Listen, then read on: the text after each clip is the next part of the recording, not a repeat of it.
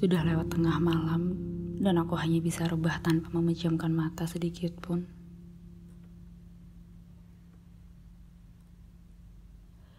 Berkeluh kesah dengan langit-langit kamar. Sesekali ku buang ke jendela.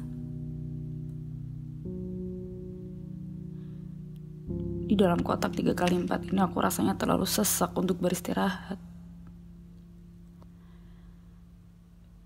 Sesak oleh berbagai rasa yang tertahan sejak sebulan terakhir aku mendekam di sini.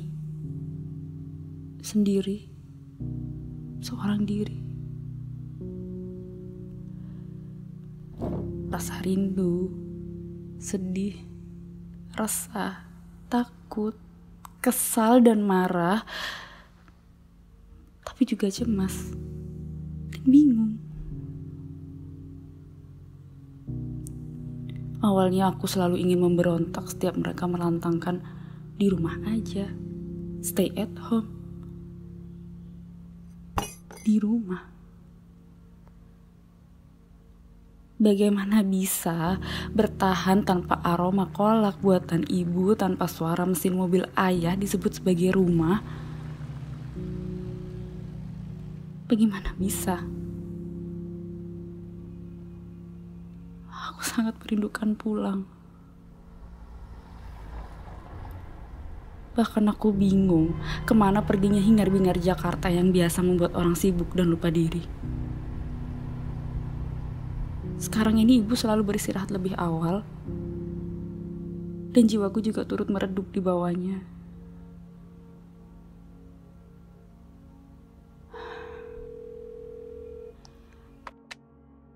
Tapi kemudian aku tiba-tiba merasa hangat. Ada pelukan yang dikirimkan dari ratusan kilometer di sana. Senyum yang terdengar lirih membisikkan, kami baik-baik saja. Lengkap dengan pasang mata yang teduh serta garis kerutan yang mengekor di sudutnya. Ya,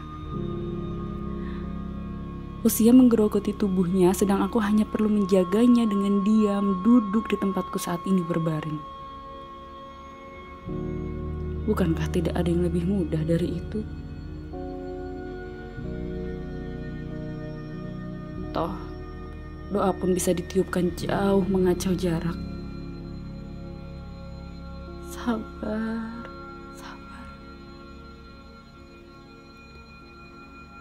Tuhan sedang memberiku waktu berlimpah untuk khusyuk. Tuhan sedang menghadiahiku tenang untuk sujud tanpa rentetan pertemuan yang sering membuatku lalai, tanpa sepasang mata pun yang boleh menakar iman. Di bulan mulia ini,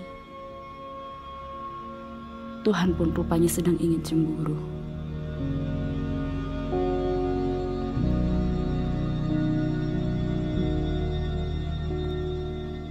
Teruntuk kita semua yang sementara ini terpaksa menempatkan pulang pada tanah dan raga yang lain. Bertahanlah. Kita bukan tidak terbiasa, hanya sedang berproses membentuk kebiasaan baru.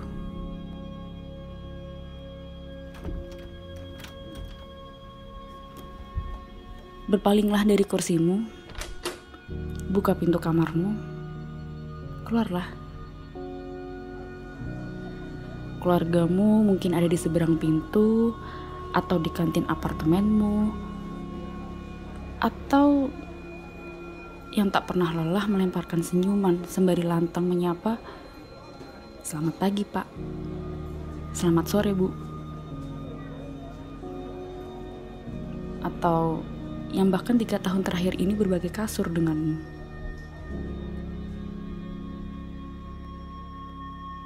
Kita hanya perlu belajar mendefinisikan ulang kata pulang dan memperluas makna keluarga.